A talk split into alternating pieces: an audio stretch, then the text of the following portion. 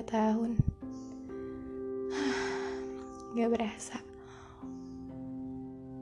Dua tahun Udah lewat begitu aja Dan saya masih Terpaku sama rasa sakit yang saya alamin selama dua tahun itu. Saya rasa dua tahun bukan waktu yang sebentar Untuk saya untuk saya bisa mengikhlaskan rasa sakit yang selama ini ngebebanin saya. Saya nggak tahu mau ngomong apa di podcast kali ini, karena saya yang biasanya saya selalu susun narasinya dulu, yang biasanya saya ketik dulu di laptop untuk bisa merangkai semua kata-kata itu jadi sebuah kalimat yang utuh yang sudah saya pikirkan matang-matang. Tapi di podcast kali ini saya benar-benar nggak tahu harus ngomong apa. Saya cuma ngerasa nggak tahu nggak tahu itu saya sama perasaan saya saat ini. Kecewa hancur sedih. Itu seolah-olah udah jadi makanan sehari-hari saya gitu. Maaf ya kalau podcast saya gaje ataupun terlalu melankolis saya saya bener-bener nggak tahu arah pembicaraan saya mau dibawa ke mana. Yang jelas saat ini saya lagi sedih. Sedih karena saya belum belum bisa mengikhlaskan kenangan yang seharusnya sudah saya lupain sejak dulu. Sedih karena saya kecewa sama diri saya sendiri. Sedih karena saya belum bisa nerima kenyataan yang seharusnya udah saya lupain sejak dulu. Saya benci sama diri saya sendiri. Saya benci karena saya nggak bisa ngendaliin rasa sakit ini. Saya benci harus terus menerus mengalah sama keadaan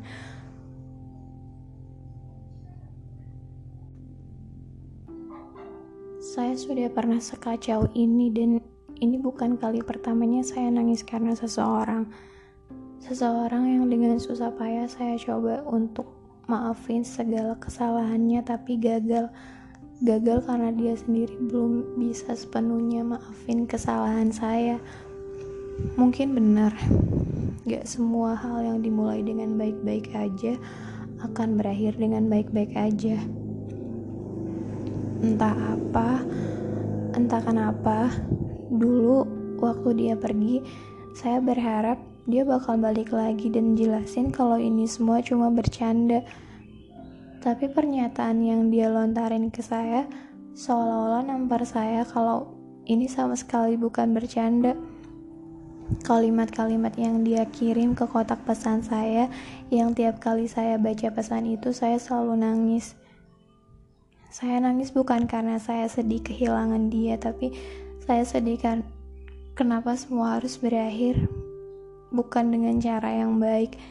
Dan ironinya, semakin saya coba untuk perbaikin semuanya, semakin saya nyiksa diri saya sendiri. Dia gak pernah tahu. Dia gak pernah tahu betapa kesiksanya saya sama keadaan ini.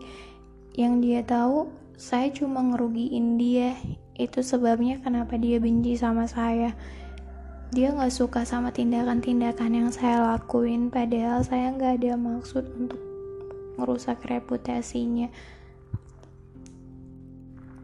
Saya cuma pengen perbaikin semuanya.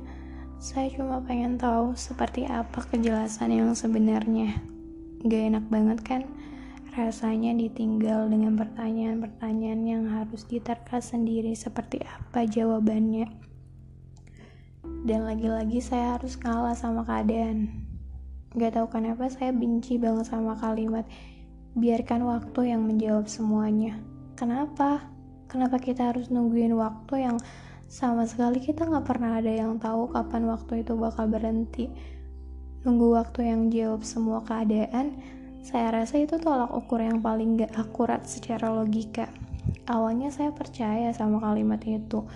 Saya selalu nunggu kapan waktu bakal berpihak sama saya saya jadi ingat sama kalimat yang selalu dilontarin sama salah satu aktor di film Three Idiot setiap kali dia sedang mengalami hal buruk dia selalu bilang all is well ya yeah, all is well dan dengan ajaibnya hal buruk itu tiba-tiba hilang gitu aja.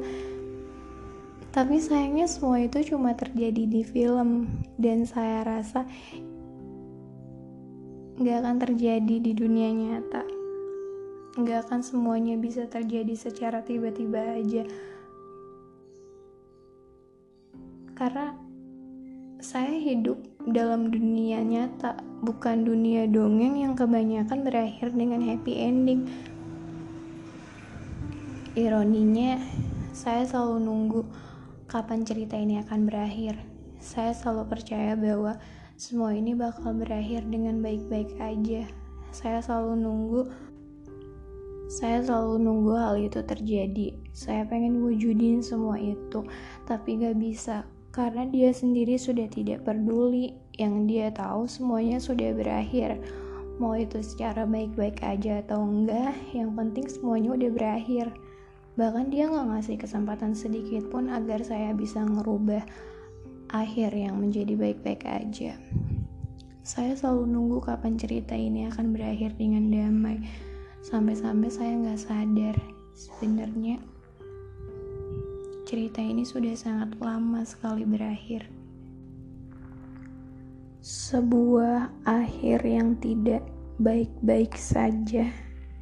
Ya, itu yang harus saya terima saya harus bisa terima kenyataan kalau akhir dari cerita ini berakhir dengan kalimat tidak baik-baik saja.